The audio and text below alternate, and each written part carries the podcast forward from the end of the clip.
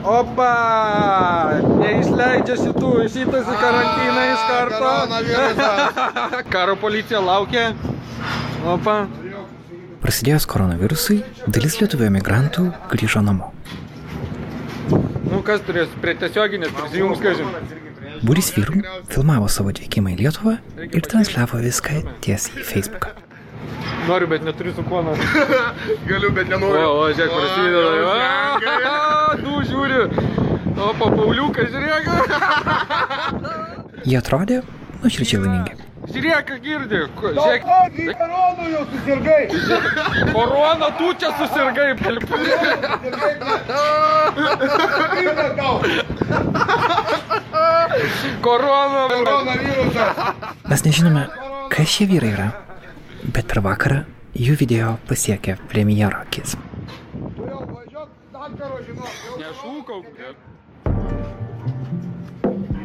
Čia net atleidžia iš kelto. Jūs turbūt matėte pilną vaizdų ir socialiniuose tinkluose, kas grįžta į Lietuvą ir kokie grįžta. Žmonėmis atleiskite už išsireiškimą, gal aš būsiu grubus, pavadinti jų negalime. Taip spaudos konferencijoje kovo gale kalbėjo Saulis Skvernelis. Tokie asmenys, kaip elgesi čia išsilaipinę iš lėktuvų arba keltų, kelia mums grėsmę. Ir negalime pro pirštų žiūrėti ir leisti, kad šitokia dalis mūsų visuomenės diktuotų sąlygas ir po to dar keltų grėsmę mūsų sveikatai ir gyvybei. Citatos pabaiga. Žmonėmis jų pavadinti negalime. Taip premjeras kalbėjo apie lietuvius, kurie buvo palikę Lietuvą, ieškodami geresnio gyvenimo ir didesnio atlyginimo. Kiti apie šios žmonės sakė, kad, na, ir gerai, kad Norvegija ar Junktinė karalystė juos pasėmė. Suprask, Lietuva nuo to tik geresnė. Facebook'e šie vyrai išvadinti, vėlgi cituoju, visuomenės buvėkais, buvo raginama juos pasitikti su ginklais, su durtuvais.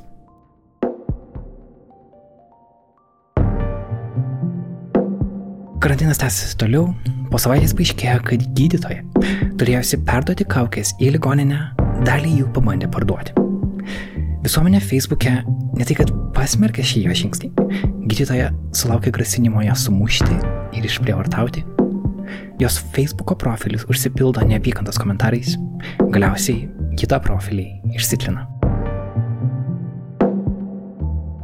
Tuo tarpu Junktinėse Amerikos valstijose neapykantos banga eina visai didžiuliai Azijos amerikiečių bendruomeniai.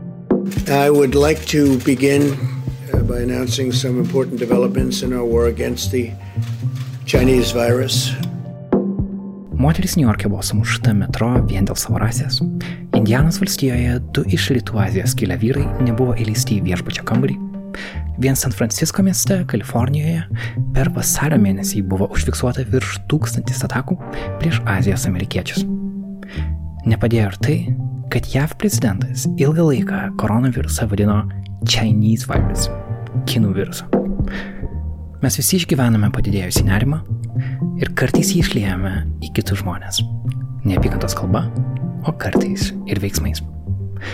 Šiandien mes kalbėsime, kaip iš šios pastus nepapulti. Aš esu Karolis Višniauskas, jūs klausotės Nailo podcast'o, jį kuria žurnalistų kolektyvas Nanuk.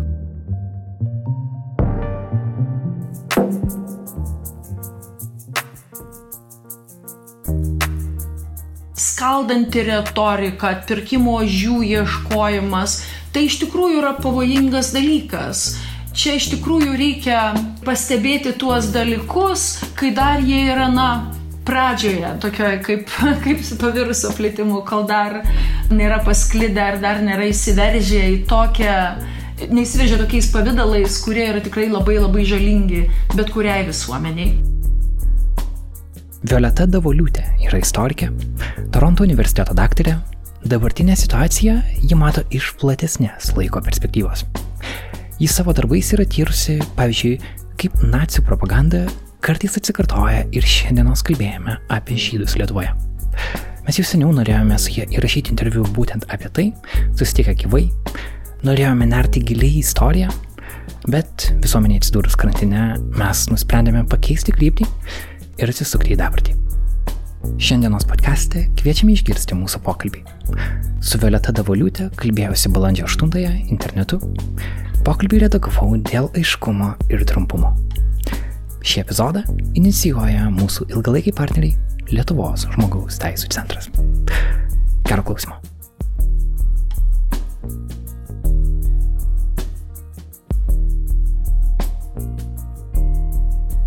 Gal nuo to ir galim pradėti. Kiek mes kalbam apie istoriją, o kiek mes kalbam apie dabartį?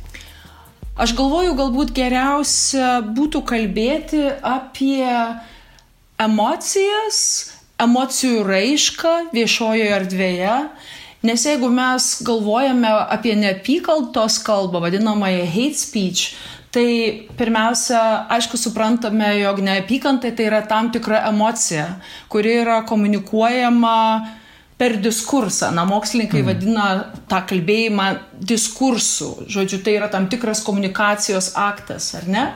Ir perteikiama tam tikra emocija siekiant formuoti tam tikras bendruomenės. Kitaip sakant, surasti bendraminčių, paskleisti žinutę ir mobilizuoti, tą bendruomenę mobilizuoti.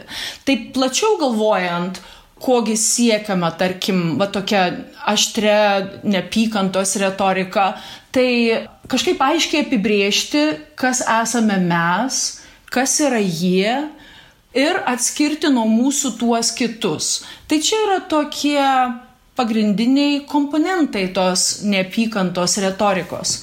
Dabar be abejo, žiūrint į istorinę perspektyvą, tokiomis aplinkybėmis, kai būna ypatingai daug netikrumo, baimės, nerimo, įtampos, kažkokio sujudimo, tai tikrai yra labai palanki, palanki terpė toms emocijoms skleistis ir burtis pirmiausiai tam tikras tokias na, komunikacijos bendruomenės, galima sakyti, kažkokias tai emocinės bendruomenės, afekto bendruomenės. Ir, na, taip ir vyksta. Galvojant apie istorinį kontekstą, kuris galbūt šiandieną yra Šiandien apie tai pagalvojau. Pavyzdžiui, choleros epidemija XIX e, amžiaus pabaigoje. Tuo metu vėlgi bandoma buvo ieškoti tam tikrų grupių, tam tikrų asmenų, kurie tapdavo kalti, tapdavo vadinam, vadinamaisiais atpirkimo ožiais. Tarkime, JAV buvo stigmatizuojami iš rytų Europos, iš Europos atvykę žydai migrantai, bet ypatingai iš rytų Europos atvykę žydai migrantai. Jeigu galvojame apie pokario laikotarpį, jau toks artimesnis metas, net negalvojant dabar apie nacijų propagandą ar kokią, tarkim, stalinistinę propagandą, tai kažkaip prisiminiau Kielcės pogromą, tai toks spontaniškai kilęs pogromas 1946 metais Kielcės miestelėje, kur karo metais buvo sunaikinti visi žydai, tačiau po karo dalis buvusių gyventojų ar iš kitų vietovių atvykusių iš koncentracijos stovyklų, iš tų, kurie buvo pasitraukę į Sovietų sąjungos gilumą, dalis žmonių grįžo ir apie 150 žmonių gyveno pastate, kuris buvo, na, administruojamas žydų bendruomenės likučių. Ir pogromas kilo dėl to, jog tuo metu uh, miestelėje dingo 8 metų berniukas.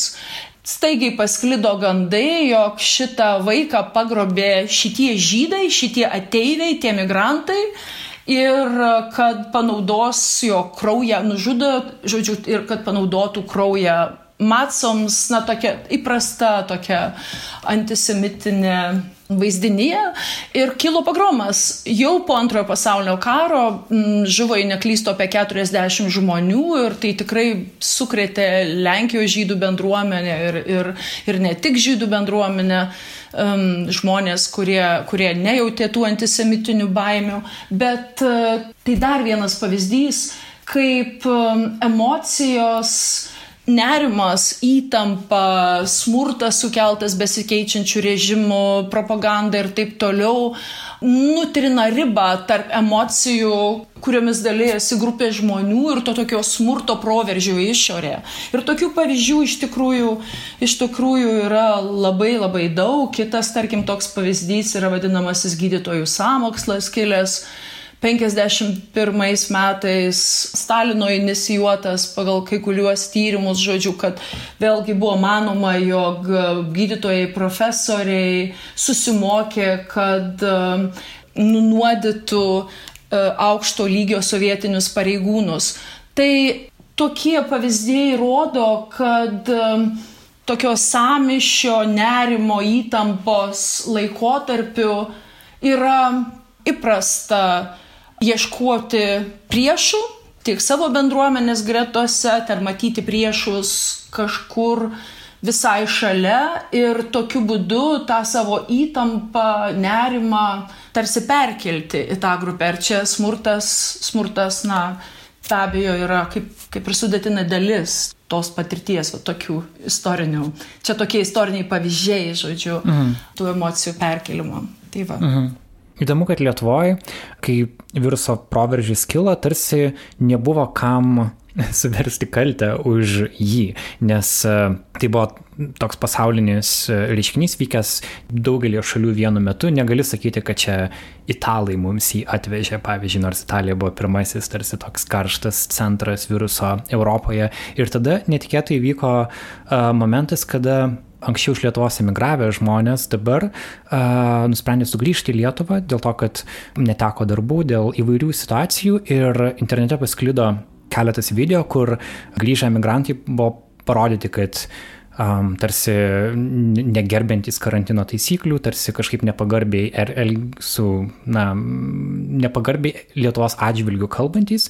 Ir tada netgi premjeras pasakė tokią citatą viešai, kad uh, aš netgi ją perskaitysiu, jis sakė, turbūt matėte vaizdus socialinėse tinkluose, kas grįžta ir kokie grįžta į Lietuvą, žmonėmis atleiskite, pavadinti jų negalime. Negalima leisti, kad tokia visuomenės dalis diktuotų mums sąlygas, keltų grėsmę mūsų sveikatai ir gyvybei. Tai netikėtai galiausiai atsirado kažkokie kalti žmonės vis dėlto. Tai štai grįžę emigrantai, ne, ne tai, kad jie atnešė mums virusą, bet kad štai dabar mes turime ant ko pykti. Nes atrodo, kad tokioje situacijoje, kad yra nerimas, žmonės norint kažko išsikrauti. Ir štai atsirado žm kiti Lietuvos žmonės grįžę į Lietuvą, ant kurių tarsi tai galima daryti. Nors dar visai nesnei buvo kovo 11, buvo daug kalbėta apie vienybę, apie e, laisvę ir visą kitą. Ir netgi tie žmonės, kurie Facebook'e dalinosi visokiais Lietuvos vėliavėlėm ir panašiai, tų žmonių, tų grįžusių lietuvių jau tarsi nebelaikė Lietuvos dalimi. Nors jie be abejo yra Lietuvos dalis. Tai man šitai sukėlė daug tokių minčių, kad, um, aha, vis dėlto galiausiai kažkokie kalti žmonės atsirado ir netgi iki premjero tribūnos tai priejo. Nežinau, kiek jūs sekėt šitos įvykius. Taip, taip, aš šitą pasisakymą mačiau ir iš tiesų tai dar vienas patvirtinimas, kaip pyktis ir baimė, tos emocijos, kurios tarsi, na, yra, jau jos, jos, jos yra tarsi tvyro aplinkui, jos e, iš tikrųjų yra, na, politiškai panaudojamos, pasitelkiamos, mobilizuojant tam tikras nuomonės, nukreipiant tas emocijas tam tikrą kryptimį. Ir dažnai taip, e, na, taip daroma pasitelkiant jau suformuotus tam tikrus sentimentus, tapatybės, suformuotus suformuotas nuomonės, juk iš tiesų, nepaisant na, kalbėjimo apie vienybę, ilgą laiką, jau virš dešimtmečių, tai tikrai ir sakyčiau, nedar ilgiau tie žmonės, kurie iš Lietuvos išvyko dėl vienokių ar kitokių priežasčių, jie buvo pakankamai stigmatizuojami, Pirmiausia, tai tuo galima įsitikinti, na, paskaičius įvairiausius komentarus, populiarių vadinamųjų blogerių ar influencerių pasisakymus, kad tai žmonės, kurie yra, na, iš esmės valkatos, jie yra, na, runkeliai, chicken faktoriai, na, įprasti tokie nužmoginantis, stigmatizuojantis epitetai, padarantis juos kaž, kažkokiais visiškai antrarūšiais ar trečiarūšiais žmonėmis ir visa tai egzistavo šalia to vienybės diskurso. Bet vad įdomu, kad e, šiame kontekste, kai iš tikrųjų vat, ėmė plisti ši epidemija ir kai tie žmonės pradėjo grįžti, tas kažkaip vėl naujai buvo mobilizuota. Tai um, iš tiesų uh, tas migruojančių asmens išvykusio asmens, atitrūkusio tarsi nuo, nuo, nuo savo šaknų, neva asmens įvaizdis jisai toks įgavo labai stiprią neigiamą konotaciją, nors paradoksaliai tie žmonės Beje, čia reikėtų pažymėti, jog įdomu tai, kad, kad ir kaip kartais nepatraukliai atrodo tų žmonių elgsena ar, ar, ar ten saviriška, kurie ten buvo dalinamasi, vis tiek mes nesužinom, kurįgi visuomenės segmentą, Lietuvos visuomenės segmentą tie žmonės atspindi. Tarkim, aš žinau um, ne vieną globos, globos institucijų auklėtinį, kurie neradė galimybės uh, rasti darbo arba kažkaip tai sėkmingai integruotis, buvo priversti išvykti iš Lietuvos ir tarsi bandyti pradėti gyvenimą iš naujo. Ir aš net nebejoju, kad dalis, dalis tų žmonių buvo vėlgi priversti grįžti. Tačiau jų istorijos, jų biografijos, jų patirtis irgi kažkaip tai visiškai tarsi tarsi dinksta ir jie tampa va tokia viena, viena tokia grupė, o, o taip iš tiesų nėra. Tai um, Taip, apibendrinant, iš tiesų buvo akivaizdžiai pastebima, jog tie žmonės iš tikrųjų tapo tam tikra va tokia, kabutėse, skaiti viruso nešiotojų grupė. Mhm. Jo, ir kai stebėjau situaciją su grįžtančiais emigrantais, atrodė, kad juk Lietuvoje buvo daug kalbėta apie tai, kad norisi, kad uh, lietuviai grįžtų į Lietuvą, ar ne, kad uh, emigracija sumažėtų. Ir čia įvyko iš dalies tai, bet tada žmonėm šiau šie lietuviai nebepatinka, nes jie nebėra, e, nėra kažkokie gražūs e, jų akimis, nėra, nežinau, kalbantis ne taip, kaip turėtų kalbėti, galbūt jie yra išgeria alkoholio. Kitaip tariant, kad neužtenka vien žmogui būti lietuviu, kad e, kiti lietuviai jį, sakykime, priimtų tiesiog kaip žmogų. Atrodo, kad tu turi būti toks sėkmingas, atitinkantis kažkokį standartą, kad iš esmės tas lietuvio įvaizdis, jisai gan ribotas yra ir kad žmonės, kuriem galbūt netaip pasisekė, jį nebe, nebepatenka tų žmonių, kuriem labiau pasisekė akimis. Taip, na be abejo, šiuo atveju tai akis bado na, tam tikros socialinės problemos, kurias tarsi norima ar išstumti iš to tos sėkmingosios bendruomenės apibrėžimo, kažkaip išstumti už uh, gerosios tapatybės, kolektyvinės tapatybės ribų. Ir um, būtent šita stigmatizacija faktiškai ir atlieka tokį vaidmenį, kaip, kaip ir minėta, labai aiškiai nubrėžia ribas, kasgi esame mes ir mobilizuojama vat, tą bendruomenę ir kasgi, kasgi yra jie. Bet iš esmės tai yra stipriai pavojingas dalykas, nes konsolidacija va tokių neigiamų emocijų pagrindų, turi vieną tokią tikrai pavojingą savybę, jis skaldo skaldo ganėtinai stipriai, todėl kad tos grupės, kurių atžvilgių šita ar neapykanta, ar nepasitenkimas, ar baimė nukreipiama, jos keičiasi. Ir viešojoje erdvėje, erdvėje, tarkim, nežinau, net ir lietuviškojo, na, Facebooko vartotojų bendruomenėje yra iš tikrųjų tokių galima sakyti, emo, daug emocijų monopolistų, jeigu taip galima pasakyti. Ta prasme, jog yra žmonės, kurie yra sulaukę didžiulio populiarumo ir didžiulės auditorijos būtent uh, dėl sugebėjimo manipuliuoti emocijomis ir burti, burti žmonės būtent neigiamojo emocijų pagrindu. Ir ten tikrai yra įdomu stebėti, kaip tie, kaip tos grupės, kurių atžvilgių neigiamos emocijos mobilizuojamos, jie keičiasi.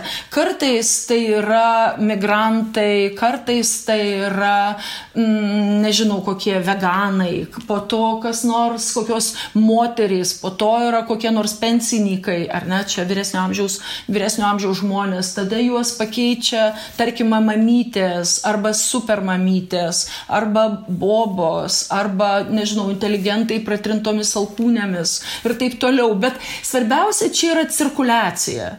Čia būtent va šita tokios tam tikros emocinės um, įtampos palaikymas. Ir tai iš tikrųjų yra ganėtinai pavojinga, nes tai destabilizuoja ir, e, ir skaldo visuomenę. Vis dėlto tokios emocijos kaip kažkoks solidarumas, bendruomeniškumas, atjauta ir diskursas susijęs su tokiomis vertybėmis, kuria, na, kitokią energiją. Nerandu geresnio žodžio apibūdinti šią minutę.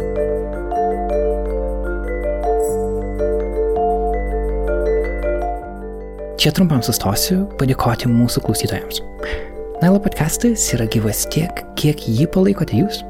Mes didžiuojame savo Patreon bendruomenę, kurioje šiuo metu jau virš 460 žmonių. Kviečiame jūs prie jos prisijungti.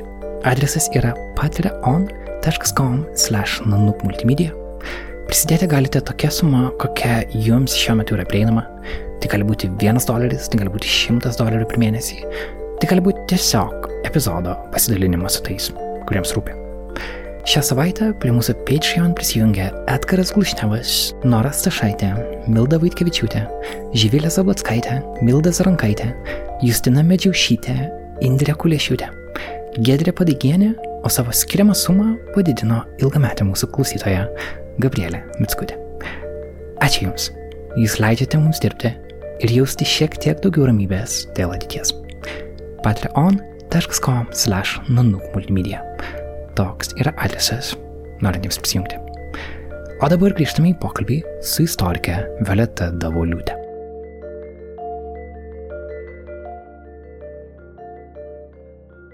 Paskutinis pavyzdys, kurį noriu e, su jumis aptarti, yra iš žurnalisto Andriaus Tapino ir pastarųjų dienų situacija, kada e, jis ir jo komanda rinko pinigus gydytojams, e, už kurios būtų paskui nupirktos kaukės e, ir kitos reikalingos apsaugos priemonės ligoninės. Ir paaiškėjo, kad viena iš gydytojų, kuri turėjo perduoti kaukės į ligoninę, dalį jų labai mažą dalį, bet dalį jų pasiliko savo ir internete paskelbė, kad jas pardavinėja. Ir tada Tapinas tai paskelbė viešai su jos, tos gydytojos vardu ir pavardė ir tiesiog uždėjęs nuorodą jos Facebook akantą. Ir įdomu tai, kad tas pasipiktinimas, kad štai ši gydytoja išdrįso tai padaryti, sulaukė daug didesnės reakcijos negu visi tie no, negu tas noras surinkti pinigus ir padėti gydytojams, negu tas gražus solidarumas buvo netiek pasklidęs, kiek šitas vienos, sakykime, neteisingai pasielgusios gydytojos išviešinimas. Ir tada um, visą tai tapo tiek nevaldoma, kad žmonės komentaruose pradėjo rašyti akivaizdžius grasinimus jai, uh, pavyzdžiui, viena iš citatų sako, tavo tėvams turėtų būti gėda, kad į pasaulį paleido tokį padarą. Čia yra komentaras, kuris ėjo paskui po tos gydytojos jau profilį asmeniniam. Kitas žmogus, aš nenoriu viso komentaro skaityti, bet ten buvo kalbėta, kad uh, E, maždaug reikėtų ją ir sumušti, ir išžaginti, mm. bet švelniai, kad to tai padariusio žmogaus nenuteistų. Ir tada citata ir būtų kaip ir atsiskaityta šioje visuomenėje. Tada galvoju, kad, aha, gerai, ta gydytoja pasielgė neatsakingai ir ne, tai nėra kažkoks sveikinimas poelgis. Neaišku, kodėl jinai taip pasielgė, gal jinai apskričiai neturi pinigų, gal iš kažkokių kitų paskatų. Mes nežinom to, bet tai, kad dabar jos tas profilis yra, jinai pati išsitrynė jį ir kad buvo tiek daug neapykantos komentarų jos atžvilgių, tada supranti, kad palaukit, mes tiek daug kalbam apie dar kažkokį visuomenės susivienijimą prieš šitą virusą ir kažkokį solidarumą, bet iš tikro yra tiek daug pykčio susikaupę, kada jis tik tai radęs menkiausią progą prasiveršti, jis pasireiškia tokia didžiulė energija. Man tas yra baugu. Ir einant dar plačiau, tada, tada tu kažkaip ir sakykit, jeigu čia aš per toli istoriją nueinu, bet tada pradedi suprasti, kaip kažkurio metu žmonės um, galėjo kitus žmonės išduoti, galėjo galbūt, nenori nu, nuvesti prie žudimo, bet tai yra kelias, atrodo, link to, kad kitus žmonės tiek nuvedi savo internetiniam kalbom, šiuo atveju mūsų šiuolaikiniai visuomeniai, kad tu visiškai jokios empatijos nebejauti. Ir tas man kelia dar didesnį nerimą negu tos vienos gydytojos šitas poelgis. Tai um, jo, atsirado nerimas iš atrodo gražios solidarios iniciatyvos gydytojams surinkti pinigų kaukiams.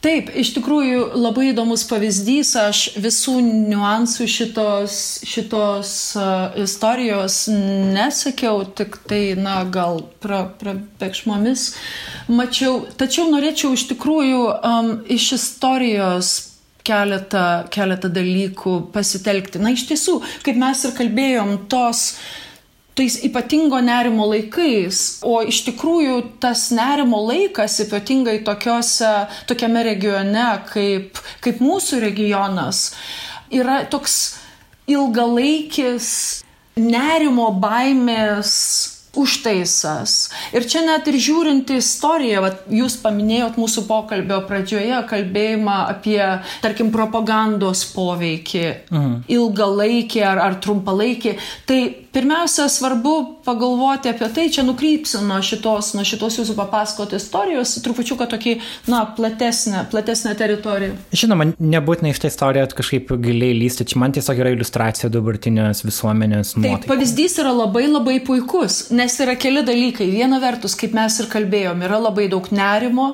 baimės, susierzinimo, įtampos, netikrumo, netikrumo dėl ekonominių pasiekmių, netikrumo dėl kažkokio bendro konteksto, netikrumo dėl, dėl kitų dalykų apskritai. Tvyro nerimo atmosfera ir tikrai ne tik Lietuvoje, ar tie pavyzdžiai, kuriuos mes paminėjom vis kitose valstybėse, rodo, jog Lietuva šiame kontekste tikrai nėra, nėra unikali. Bet yra dar vienas dalykas. Šitos emocijos šitame regione dar visai nesenai, kokios emocijos? Tai yra nerimas, baimė, tam tikras sudirginimas dėl neteisybių, dėl nuoskaudų ir taip toliau, iš tikrųjų ilgą laiką buvo panaudojamas propagandiniams tikslams. Kitaip sakant, labai ilgai skirtingi režimai manipuliavo žmonių emocijomis tam, kad juos gana greitai mobilizuotų konkretiems mobilizaciniams tikslams. Ir nors laikai iš tiesų pasikeitė ir daug kas yra kitaip, bet tam tikras toks kultūrinis na, palikimas yra likęs, nes vis dėlto, na, žiūrint iš istorinės perspektyvos, ten nežinau, net 5, 6, 10 mečiai, tai tikrai nėra ilgas laiko tarpas. Yra tam tikras tam tikra tokia specifinė, labai emocingo, hiperbolizuoto kalbėjimo recepcija. Vėlgi labai tokia labai na, gana spontaniška, tokia ganėtinai umi, Kitaip tariant, va toksai kalbėjimas, um, tiesmukas, paprastas, emocingas, dažnai hiperbolizuotas, jis turi didžiulę paklausą. Ir čia, na, skirtingose visuomenėse ta recepcija būtų skirtinga. Aš sakyčiau, kad mūsų regione tai iš tikrųjų turi paklausą ir, ir, tuo, ir tuo naudojamas įvairiausi, na, veikėjai ir įvairiausiams tikslams. Aš kaip sakau, nekalbu apie šią konkrečią istoriją, bet uh, bet vis dėlto reikia atsiminti, jog Pavyzdžiui, grįžtant, tarkim, prie, prie nacijų propagandos, vėlgi aš noriu akcentuoti, aš nevedžiu, nevedu jokių tiesioginių paralelių, aš tiesiog grįžtu į istoriją. Mm, tai, um, tarkim, ta, ta pati anti, an, antisemitinė kampanija, kuri vyko, na, 41-42 metais arba nacijų okupacijos metais, tai buvo vykdoma tokiu būdu, jog nuolat buvo akcentuojama, jog, jog žmonėms grėsia pavojus, o pavojus grėsia būtent iš žydų bendruomenės, kad tai yra ne tik na, bolševikinis užkratas, bet tai yra ir, ir apskritai užkratas, buvo rašoma, tarkim, apie miesto apvalymą, bendruomenio apvalymą, tai yra aiškiai toks apibrieštas apsivalymo, apsišvarinimo, na nežinau, diskursas. Ir jis iš tikrųjų toks kalbėjimas nuolat kažkokią grėsmę arba kažkokį moralinius imperatyvus nuolat apeliuoja į tą tokį moralinius kažkokius tai um, imperatyvus. Jis turi iš tikrųjų poveikį. Na, tas pats buvo naudojama sovietų. Ir tam tikros tokios diskursyvinės struktūros, jei galima pasakyti, jos yra išlikę. Kitaip, recep, kitaip sakant, recepcija, recepcija yra, yra palanki vat, tokiam kalbėjimui, kad reikia paimti, nurodyti, vat, greitai nuteisti, nėra ko čia aiškintis, tuo čiagi viskas aišku ir suprantama.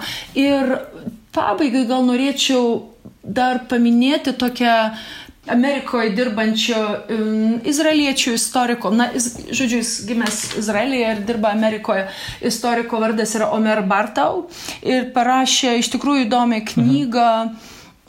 Genocido anatomija. Knygoje tyrinėjamas žydų genocidas viename mažame Ukrainos kaimelyje, kur gyveno paties Omer Bartau motina iki 8 ar 10 metų ir jai pasisekė išvykti iki antrojo pasaulinio karo. Ir jo tyrimai paneigia kai kurių mokslininkų argumentus, kad va, tokios, tokios apimties masinis žudimas galėjo vykti todėl, kad aukos dažniausiai buvo nuosmenintos ir kitaip sakant, žudikai nematė aukų veidų. Jis tai, jis tai paneigia uh, savo knygoje teikdamas, kad na, jo tyrimai parodė, kad tarkim tame miestelė, kuriais ten nėjo žmonės, tikrai žinojo vieni kitų veidus, kad jie buvo pažįstami daugiau ar mažiau, kad dirbo, nežinau, kirpėjais, gydytojais ir taip toliau. Ir kad tas, na, be abejo, kelių režimų pasikeitimas ir įtampos kurstimas ir auginimas ir daugybė, daugybė emocijų, neteisybės, pasipiktinimo, nežinau, priešiškumo, nerimo, kurios cirkuliavo kurį laiką tarsi tarsi, nežinau, bendruomenės viduje, kad tam tikrom aplinkybėm pasikeitus gali labai greitai prasiveršti tokia neįtikėtinos agresijos forma. Ir jis pats, vat, mokslininkas teigia, kad jam pačiam patyrusiam istorikoje įsižiūrėjimas į tą, kaip tai veikia mikro bendruomenėje, va tokioje mažoje bendruomenėje, jisai nustebo, kaip tas gali greitai pakisti ir kaip greitai tas tas smurto proveržis gali atsirasti. Reikia tik pakitusių aplinkybių ir vis daugiau, daugiau, daugiau įtampos. Tai um, be abejo, tos emocijos ir toks skaldanti retorika, atpirkimo žių ieškojimas, tai iš tikrųjų yra pavojingas dalykas. Ir na, čia iš tikrųjų reikia, kaip sakoma, stebėti ir, ir, ir pastebėti tuos dalykus, kai dar jie yra, na, pradžioje, tokioje kaip, kaip su to viruso plėtimu, kol dar nėra pasklidę ar dar nėra įsiveržę į tokią, neįsiveržę tokiais pavydalais, kurie yra tikrai labai labai žalingi bet kuriai visuomeniai. O kaip Jūs manot, kaip Lietuvos visuomeniai sekasi juos pastebėti, nes e, jeigu tas kalbėjama apie neapykantos kalbą, apie hate speech, tai yra aiškus, e, na ir baudžiamojo kodekso netgi e, nu, nuoroda, kad tai, tai nėra šiaip kažkoks moralinis dalykas, tai yra aiškus nusikaltimas, bet Lietuvoje šitą savoką Lietuvoje tai labiau matoma kaip kažkoks vos ne importas iš ES direktyvų, kad štai dabar kažkoks naujas konceptas atsirado Lietuvos viešoje erdvėje, o šiaip jau, na kaipgi čia žodžiai gali turėti kažkokią reikšmę, juk e, ne fizinis smurtas, o žodinis smurtas. Ir tai turbūt nėra vien lietuviškas požiūris, yra ir Anglų kalboje toks dar iš XIX amžiaus ateinantis posakis uh, sticks and stones may break my bones, but words uh, will never hurt me. Kitaip tariant, kad, na, juk tai tik žodžiai, čia nieko, nieko baisaus. Tai vad man įdomu, kaip Jūs galvojate, ar Lietuvoje mes įsisamonam, kad žodžiai vis dėlto turi uh, realią galę ir kad e, ne viskas yra tiesiog tik laisva kalba ir ne viskas yra tik tai nuomonė.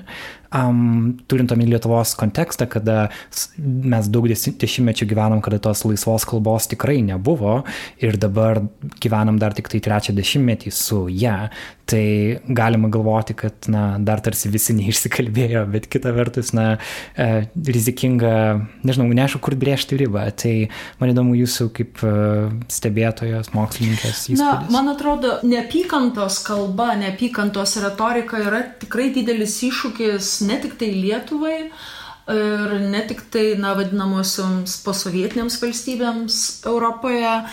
Iš tiesų labai sunku reguliuoti, ypatingai na, įvairias internetinės platformas ir taip toliau. Kalbos, raiškos laisvė tikrai yra didžiulė vertybė ir e, tikrai teko kalbėti su įvairiausiais e, žmonėmis, kurie, kurie teisininkais, tarkim, Švedijoje tai irgi susiturė su tokiomis panašiomis problemomis, jog labai sunku, kaip sakoma, šukuoti internetą ir kažkokias realias teisinės, teisinės priemonės naudoti. Tačiau kita vertus, vis dėlto tie reguliavimo mechanizmai galėtų būti geriau išsigryninti ir funkcionuoti geriau. Tarkim, jeigu koks nors, na nežinau, um, asmuo um, viešuosios erdvės, na, internetinės erdvės veikėjas, tarkim, ar veikėja turi 300 tūkstančių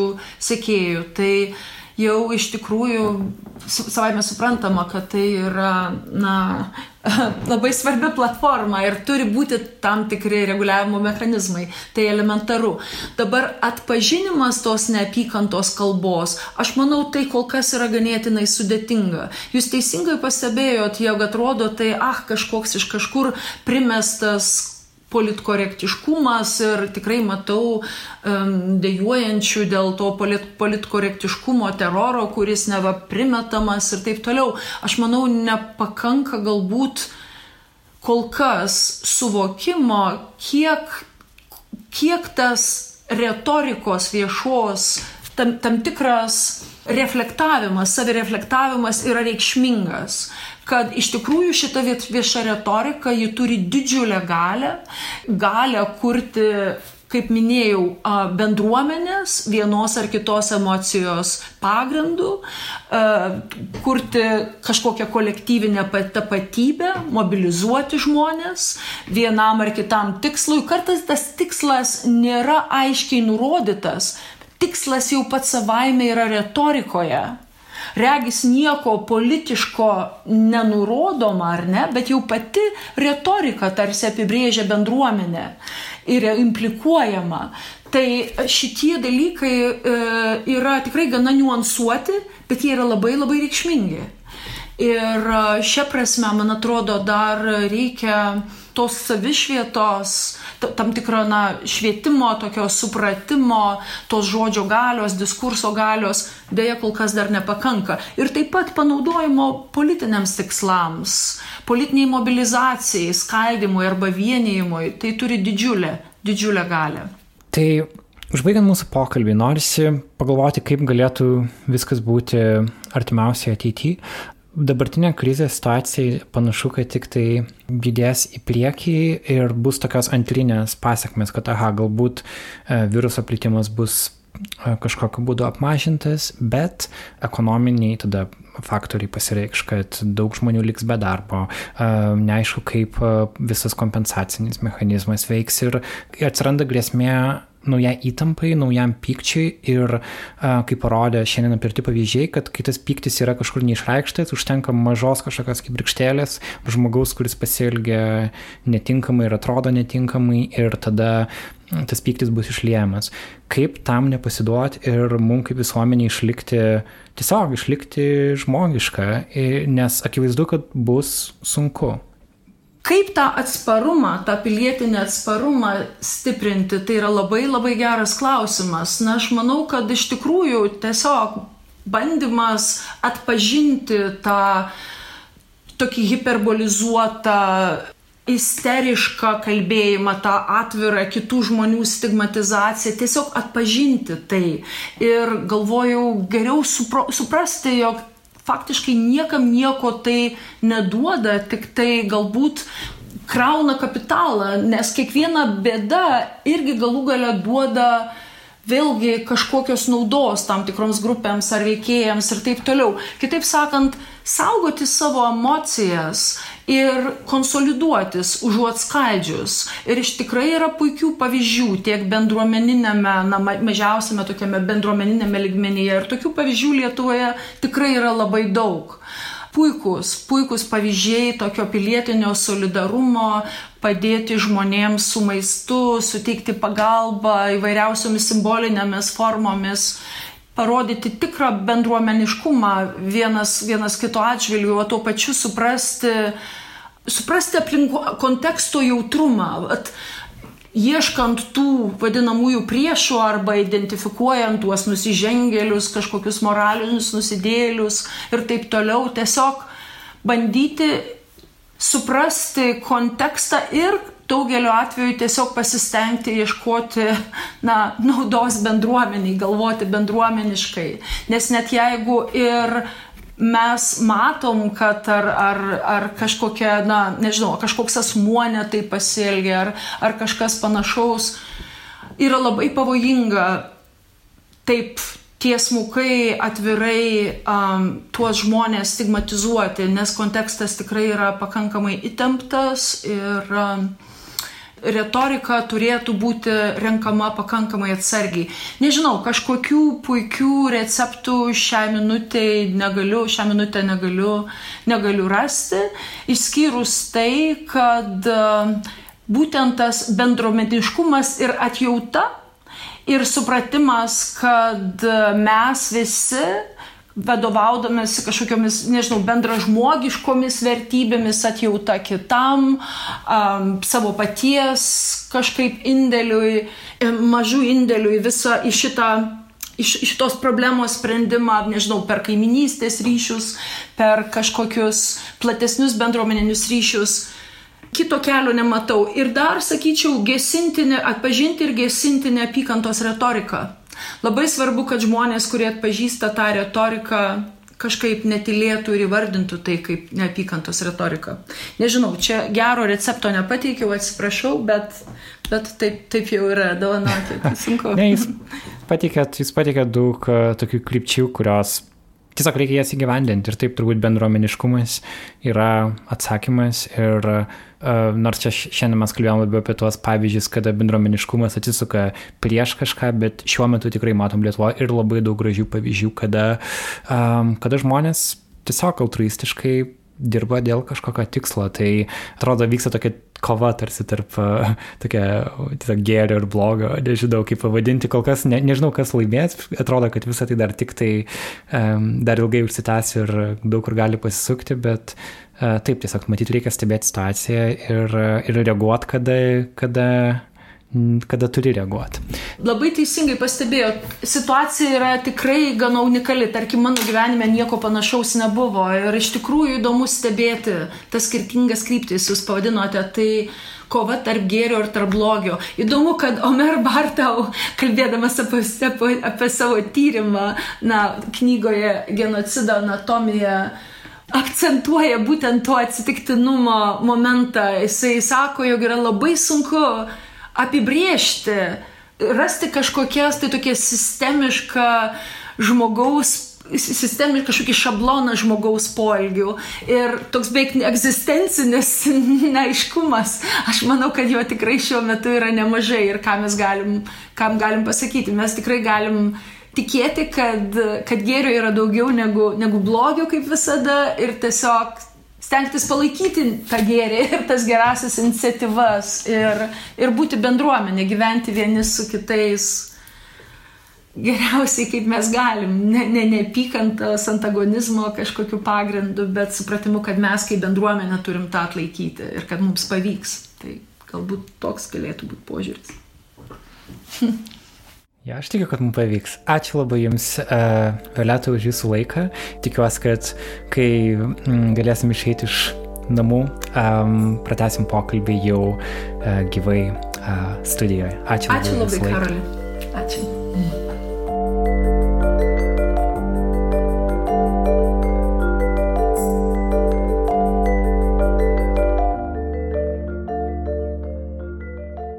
Toks mūsų epizodas šiandien. Ačiū, kad buvote kartu. Mūsų garso įrašų redaktorė yra Kata Bitoft, mūsų muzikos kompozitorius yra Martinas Gailius. Epizodui specialią iliustraciją piešė Ula Rugevičiūtė Rugytė. Pamatykite ją Nanuk Instagrame ir Nile.lt. patreon.com slash nanuk multimedia. Toks yra adresas, jeigu norite prisidėti prie mūsų žurnalistikos. Mūsų 100 dolerių patronai yra Blossom Boot Foundation, linkėjimai jiems į Alabamą. O šį epizodą apie neapykantos kalbą inicijavo mūsų partneriai Lietuvos žmogaus teisų centras. Stiprybės jums tęsant socialinę distanciją. Karantinas Lietuvoje tęsiasi bent jau kol kas iki balandžio 27-osios. Mano vardas yra Karolis Višniauskas. Nailo podcastas pas jūs sugrįž po savaitės.